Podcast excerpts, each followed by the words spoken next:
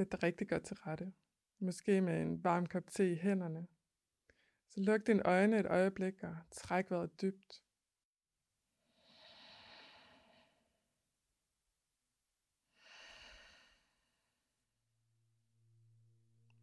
Du lytter til podcasten Yogalivet. Jeg hedder Anja Limkilde, og jeg vil føre dig igennem dagens afsnit om restorativ yoga. Dagens gæst er Susie Jensen, og Susie hun trådte for første gang ind på yogamåtten for 43 år siden. Hun har undervist i yoga, uddannet yogalærer, og er nu ved at skrive en bog om restaurativ genopbyggende yoga. Og det er det, vi skal tale om i dag. Hvordan man kan lægge sig godt til rette hen over omhyggeligt placerede puder og stramt foldede tæpper, og samtidig både åbne kroppen og få ro i hovedet. Vi snakker også om, hvorfor det er så svært og samtidig så givende at gøre ingenting i en hel time eller måske halvanden.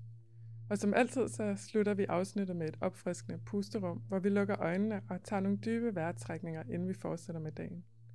Jeg håber, du nyder lidt med. God fornøjelse. Hej Anja. Velkommen til. Og tak fordi du vil være med i dag. Det er spændende. Først tænker jeg, at vi lige skal lære Susie lidt bedre at kende. Så vil du ikke fortælle om, hvordan du kom i gang med yoga, og hvad det har betydet i dit liv? Jo, da jeg var de her kun 17 år, der kom der et yogahold i den by, jeg boede i. Så fik jeg lukket min mor med. Det var sådan et aftenskolehold, hvor man lå i en gymnastiksal i en cirkel på vattæpper. Det var før yogamotterne blev opfundet. I Danmark i hvert fald. Og, og jeg kom fra sådan en gymnastikverden. Men, men yogaen var bare, altså det var som at komme hjem. Og, øh, og jeg forlod det aldrig siden. Altså, så, så yoga kom ind i mit liv der, og jeg fortsatte bare med at gå til yoga. Og det betød en form for et nyt syn på min krop. Øh, det betød, at jeg begyndte at blive bevidst om mit åndedræt og min holdning. Og hen ad vejen blev det også mere og mere en mental disciplin at gå til yoga. Det, det er det jo først blevet sådan undervejs. Så der er ligesom kommet flere og flere elementer på. Øhm, da jeg blev lidt ældre og begyndte at gå til yoga steder, hvor man talte om yogafilosofi, så kom den dimension også på. Og så blev det endnu mere øh, dybt for mig. Øh, og jeg har haft mange oplevelser med, at yogaen har hjulpet mig med at skifte perspektiv gennem mit liv. Og det er måske nok noget af det vigtigste for mig. Jeg tror, mit liv havde set fuldstændig anderledes ud, og jeg havde fungeret helt anderledes, både kropsligt og psykisk, hvis jeg ikke havde gået til yoga. Var det de fysiske yogaøvelser, eller var det mere det filosofiske, som der har hjulpet dig til at, at få et andet syn på livet eller på dig selv? Så umiddelbart vil jeg nok sige, at det var det filosofiske. Men jeg kan alligevel ikke helt skille det Jeg tror også, jeg må sige, at, at det her med at arbejde med kroppen på den måde, man gør i yoga, og bruge åndedrættet som en vej til det psykiske, det har været lige så vigtigt. Så det er sådan ret uadskilleligt.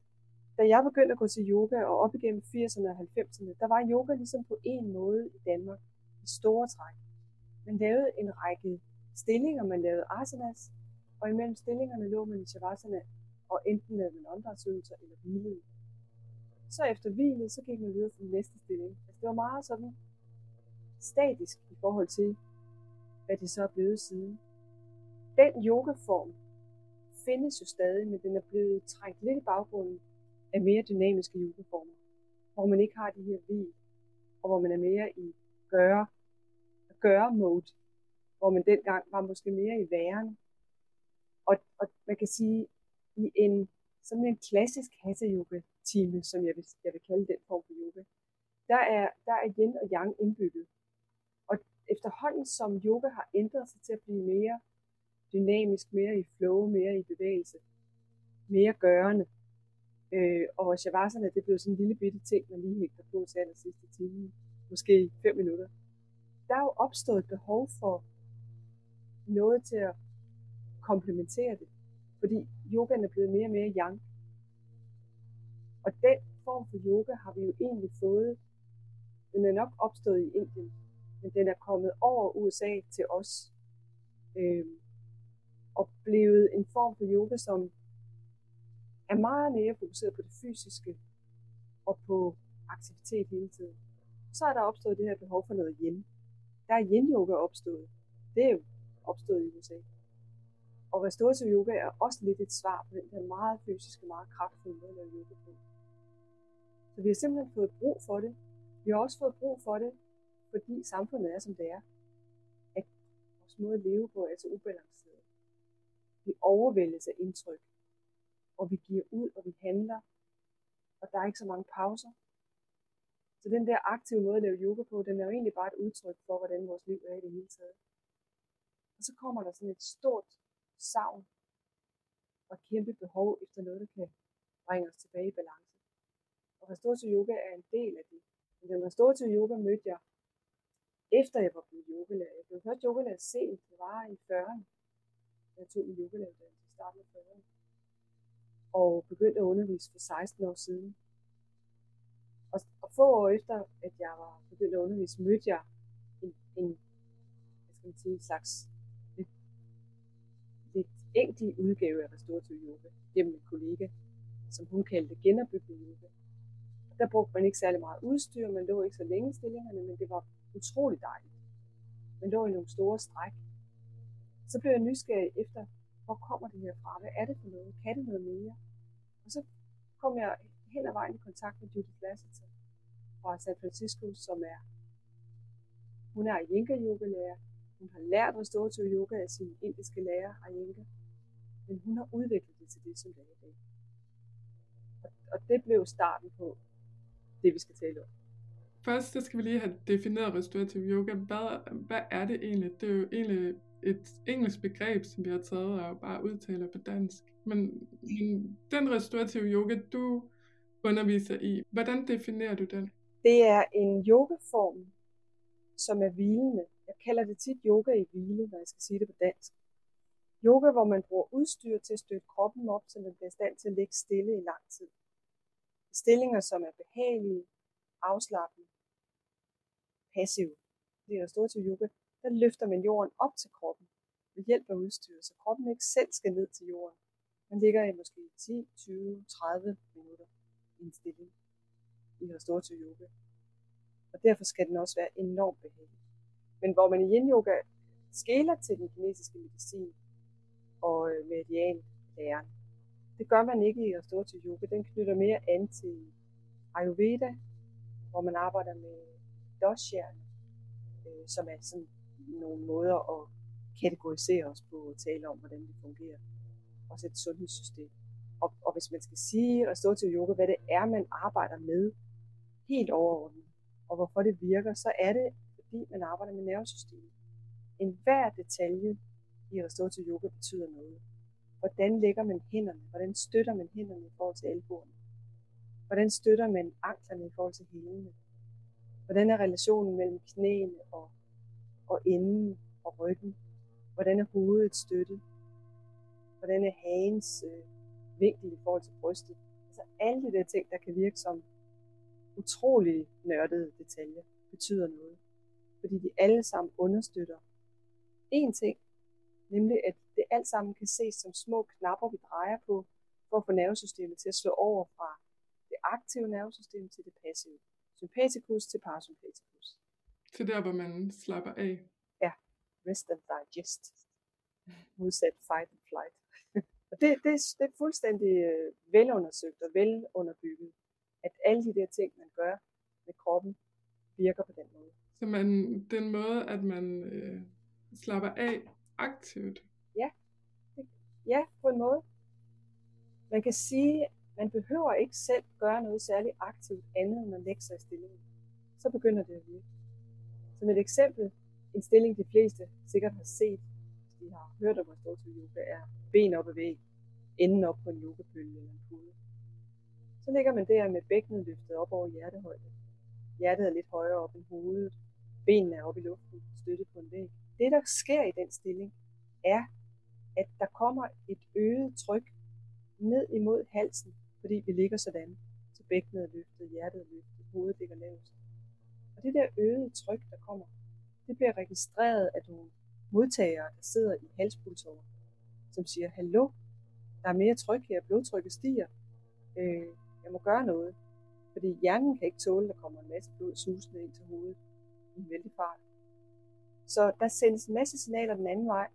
Der siger, blodtrykket sænkes, pulsen dæmpes, hjernens aktivitet stilles. Og nogle gange har jeg prøvet selv at lægge mig i stillingen og tænke, jeg skal lige tænke en tanke færdig, før jeg giver efter, før jeg ligesom slapper af i stillingen. Jeg skal lige tænke noget færdigt. Men det kan jeg ikke, fordi den virker. Så jeg gør ikke andet end at lægge mig, så virker den. Det er helt mageløst. Så det man gør med, med restaurative yogastillinger, når man forbereder sig med alt sit udstyr, yogapøller og tæpper, det er, at man øhm, gør det muligt for kroppen at give slip og synke ned i afslappning, eller hvordan? Ja, det, det er meget præcist. Det er det. Øh, Judith Lasseter, som er min lærer, som jeg er blevet uddannet af, hun taler om tre stadier i en stilling, når det sådan foregår optimalt. Det, det forklarer meget godt, hvad der sker. Og den første fase er overhovedet at komme til at slappe fysisk af, hvilket kan være svært. Hvis man nu er stresset, så er det jo enormt svært bare at lægge sig ned og slappe af. Men så hjælper udstyret og alle detaljerne til, at det bliver nemmere. Så der er sådan en, en proces, hvor man gradvist slapper ind. Og den kan tage 10 minutter et kvarter. Det gør det for en almindelig krop. Først derefter sker der sådan noget ekstraordinært, så det, man skal give det den tid for at komme hen til næste fase, som hedder Pratyahara. Og det er et navn fra, fra yogafilosofien, som er en funktion, kunne man sige, hvor vi trækker sanserne væk fra det ydre mod det indre. Og det sker af sig selv her. Det er ikke noget, vi gør. Men vi begynder at opleve, at vi godt kan høre, hvad der sker i rummet, men vi begynder at være ligeglade. Så hvis jeg ligger i sådan en yogaklasse og laver store til yoga, så i starten kan jeg godt synes, at det er irriterende, at der er nogen, der snakker, eller læreren siger noget, men lige pludselig, så hører jeg ikke efter mere. Så laver jeg pratyahara spontant. Og når det så går allerbedst, så kommer der en tredje fase, som Lasse, så hun kalder ashunya. Det betyder egentlig ikke tomhed. Jeg tror, det er et begreb fra sind. Øhm, det er en fase, man er i, uden at vide, man er der. Man ved, der, man ved først, man har været der, når man er ude af det. Der er det bliss, altså det er fuldstændig væren, hvor man bare flyder i sin salighed. Og der regenererer kroppen. Der sker der noget ekstraordinært. Både i krop, nervesystem og i sind. Derfor vil man føle, når man kommer ud af den, at man er blevet ja, vasket igennem på alle planer. Der er noget, jeg har lyst mm. til at sige om de her faser, som det er lidt gætværk, vil jeg sige. Jeg kobler nogle ting sammen, jeg hører rundt omkring.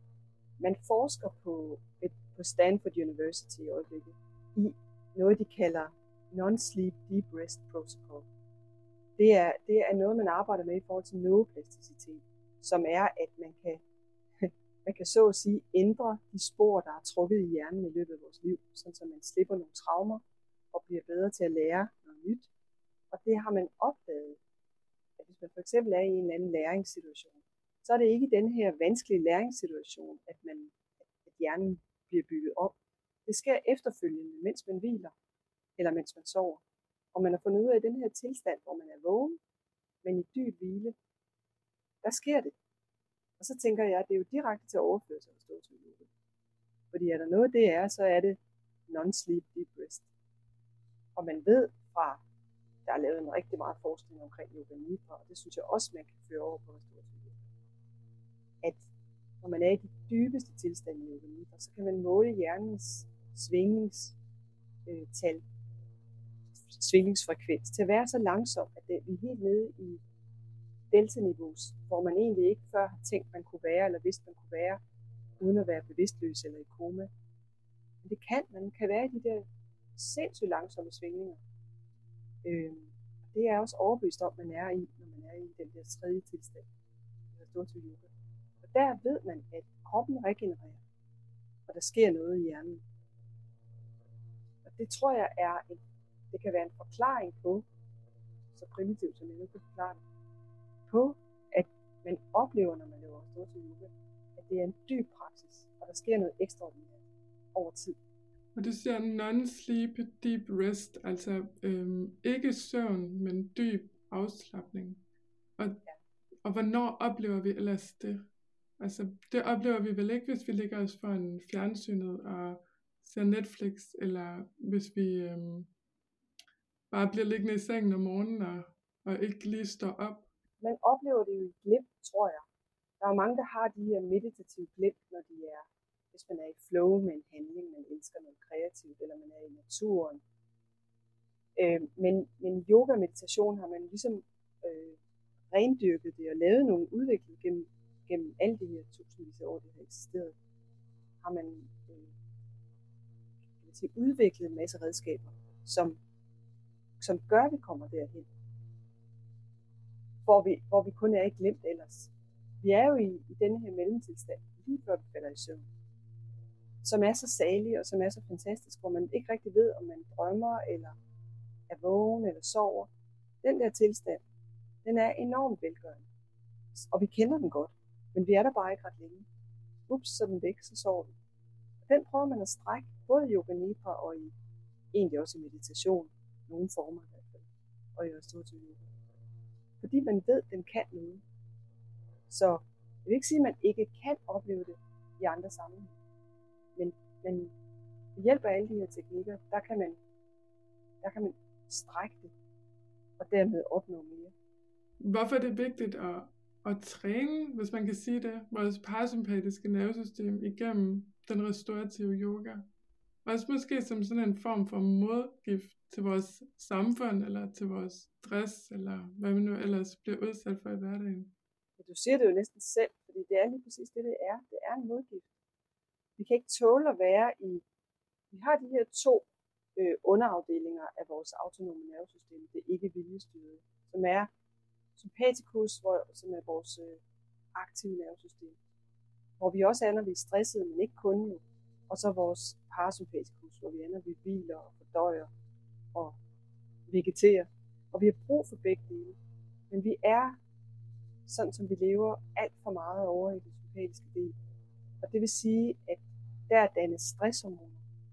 Øh, så fordøjer vi dårligere, vi sover dårligere, vi koncentrerer os ringere, vi, vi virker simpelthen, øh, vi fungerer dårligere på alle mulige planer, og vi slider på kroppen, og vi slider på psyken.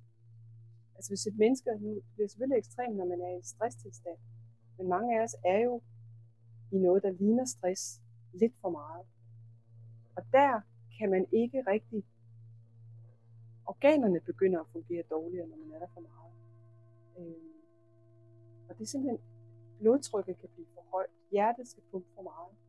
At det slider på os, så vi er ikke skabt til at være så meget over i den del af nervesystemet, som vi er. Så derfor skal der noget, noget til. Og der er det ved de to nervesystemer, at, at vores aktive nervesystem, det har otte undernervesystemer. Og vores hvilenervesystem, det har kun tre underafdelinger. Og det vil sige, at det er altid i undertal. Og det er nok en, et rest fra, da vi skulle løbe og flygte og kæmpe, at vi er meget, meget bedre til at slå over på det aktive end modsatte vej. Så der skal mere til for at få os over i hvilenervesystemet. Vi skal gøre noget mere for det. Det er ikke svært. At det er ikke svært, at nogen banker på døren, og jeg er oppe i aktivitet lige med det samme. Telefonen ringer, jeg er oppe i aktivitet med det samme. Det er ikke svært for os. Men det er svært at slippe det igen og komme tilbage og slappe af. Derfor at det er det, den til yoga hjælper os med. Det leder også meget godt hen til at tale om, hvad er egentlig øhm, fordelene ved, eller hvad får man ud af at dyrke restorativ yoga? Og, og hvad vil det være godt for? Altså, det er et stort spørgsmål, du stiller, fordi det kan jeg jo godt snakke om en time. det, øhm, umiddelbart vil man sige, at det er en indløsende virkning ved restorativ yoga, at stress bliver dæmpet fordi man kommer til at hvile. Øh, så hvis man er urolig, hvis man har uro, så vil man blive, så vil man blive afstresset. Det vil man opleve ofte. Det er ikke sådan, at det altid virker sådan, fordi det er ikke altid, man kan så meget stress, men ofte vil det virke sådan. Og øh, så, så rent psykisk vil man opleve at blive afslappet og mere rolig og mere balanceret. Øh, men når man går fra en restorativ yoga team, så kan man nogle gange opleve, at man er blevet forfrisket og udvilet og klar til aktivitet. Andre gange har man mødt en dyb, dyb indre træthed, som man faktisk føler, man skal hjem og sove videre. Hvilket er grotesk, når man ligger der. Men det kan man faktisk godt komme ud for, at, at man møder sin egen grundtræthed. Fordi det åbner ind til, hvad der er i forvejen. Så man bliver mere opmærksom på det, der er. Er det fordi yogaen den tydeliggør, at det vi kommer med lige den dag, at vi ligger også nede på yogamøtten? Ja, det er jo det yoga altid gør. Det, det, vi møder altid os selv. Men det jeg tænker nogle gange, jeg, jeg tror aldrig, jeg har fortrudt, at jeg lavede yoga en dag. det kan være svært at komme i gang nogle gange, men man fortryder det aldrig. Fordi det sker altid et eller andet, man trænger til. Og hvordan bruger du selv restorativ yoga i din praksis? Er det noget, du gør dagligt, eller er det sådan et redskab, du kan hive op, når du føler dig stresset, eller har brug for at slappe af? Øhm, jeg tror, jeg, jeg bruger det mindst hver anden dag. Det vil jeg sige, jeg gør. Jeg er sådan en dårlig sover. Øh, jeg, jeg, jeg har et vedvarende udfordring med at sove nok og sove ordentligt. Og jeg har fundet en måde nu, efter at selvfølgelig have prøvet alt, hvor jeg, hvis jeg har haft sådan en nat, hvor jeg kan se, at jeg bare ikke fået nok timer søvn, øh, så i løbet af dagen, så prioriterer jeg at lægge mig i en restorativ stilling og hvile en halv time eller en time. Og nogle gange falder i søvn, hvis det er det, der skal til. Og det gør, at jeg føler, at jeg kan øh, komme igennem dagen uden problemer.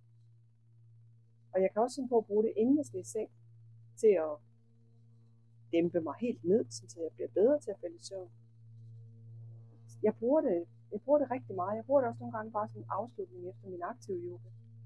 Masser af sollys og masser af aktivitet. Og så ned ligge i min store system til sidst.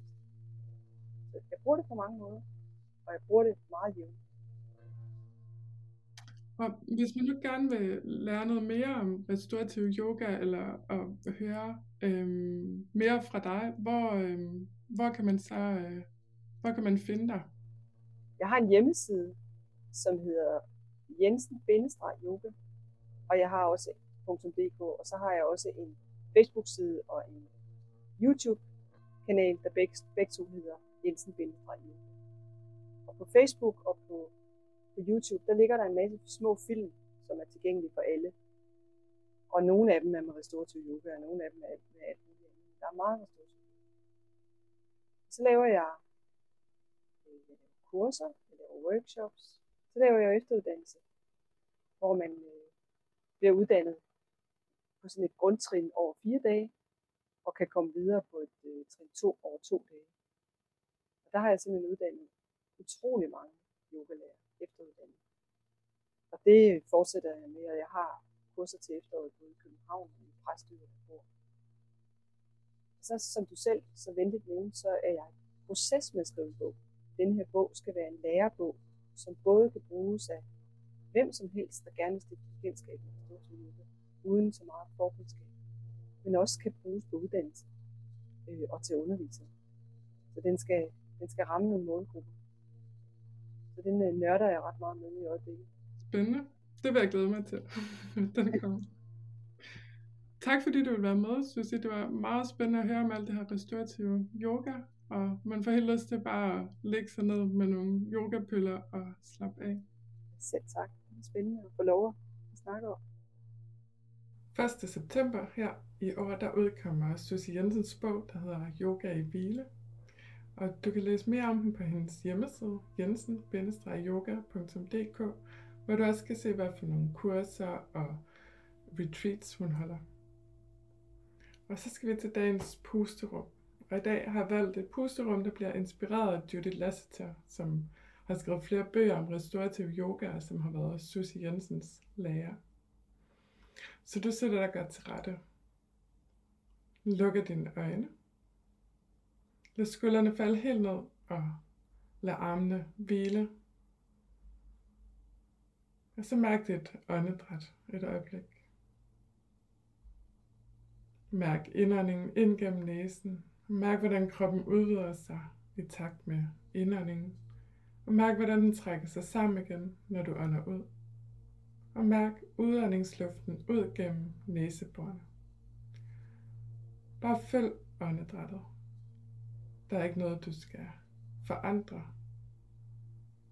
Som du kan opleve det, uden at bedømme det, uden at vurdere det.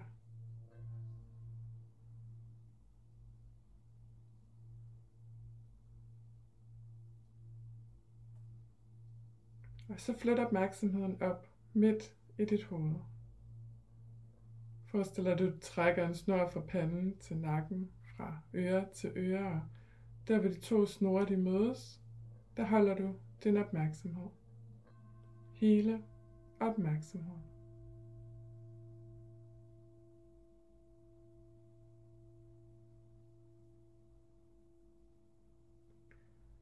Og mister du fokus, så vend blidt og kærligt tilbage til punktet lige midt i dit hoved.